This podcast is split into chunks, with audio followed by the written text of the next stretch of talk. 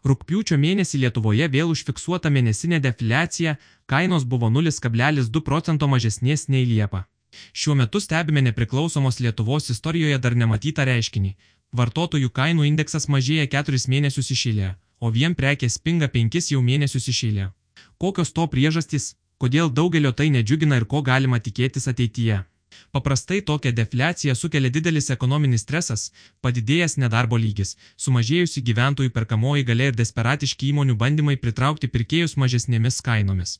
Tačiau šiuo metu Lietuvoje ir daugelie kitų šalių mažėjančių prekių kainų priežastis yra visai kita - nuo neregėtų aukštumų ženkliai nukritusios energijos ir daugelio žaliavų kainos.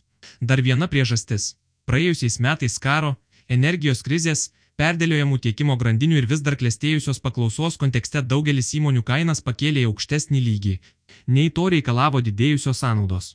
Kainodaros sprendimus įmonės pernai priėmė didelio neapibrieštumo kontekste, nežinojo, kaip ilgai rekordinėse aukštumose laikysis energijos kainos, kokių žaliavų ir kitų gamybos komponentų gali trukti.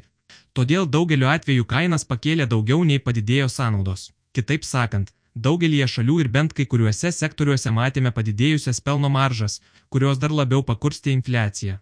Tačiau nuo praėjusių metų pabaigos ir daugelie pramoninių valstybių gamintojų kainos mažėja ko ne kiekvieną mėnesį. Lietuvos gamintojų kainų indeksas šiuo metu yra 8,5 procentų mažesnis nei buvo prieš metus, tačiau galutiniai prekių vartotojai šį kainų sumažėjimą dar pajutė nepilnai. Prekių kainos Lietuvoje mažėja jau 5 mėnesius išėlėje, tačiau nuo piko sumažėjo vos 2,5 procento. Deja, toks kainų sumažėjimas daugelio vartotojų nedžiugina. Vidutinės kainos išlieka net 20 procentų didesnės nei praėjusių metų pradžioje. Labai tikėtina, kad sumažėjusios gamintojų kainos ir silpna paklausa paskatins ir tolimesnį bent kai kurių prekių, pavyzdžiui maisto, kainų mažėjimą. Deja, kai kur matomos ir priešingos tendencijos.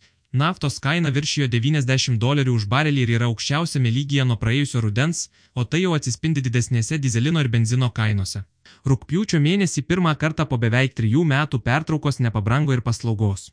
Tačiau dėl iki šiol stebėto itin spartaus jų brangimo, jos išlieka 10,4 procentai brangesnės nei prieš metus, o maitinimo ir apgyvendinimo paslaugos pabrangusios net 14 procentų. Čia labai didelių pokyčių artimiausių metų nebus, nes jų kainoms daugiausiai įtakos turi darbo sąnaudų augimas. Vidutinio darbo užmokesčio augimas pirmąjį pusmetį siekia apie 12 procentų, o dėl didinamo minimalaus atlyginimo nedaug sulėtės ir kitais metais.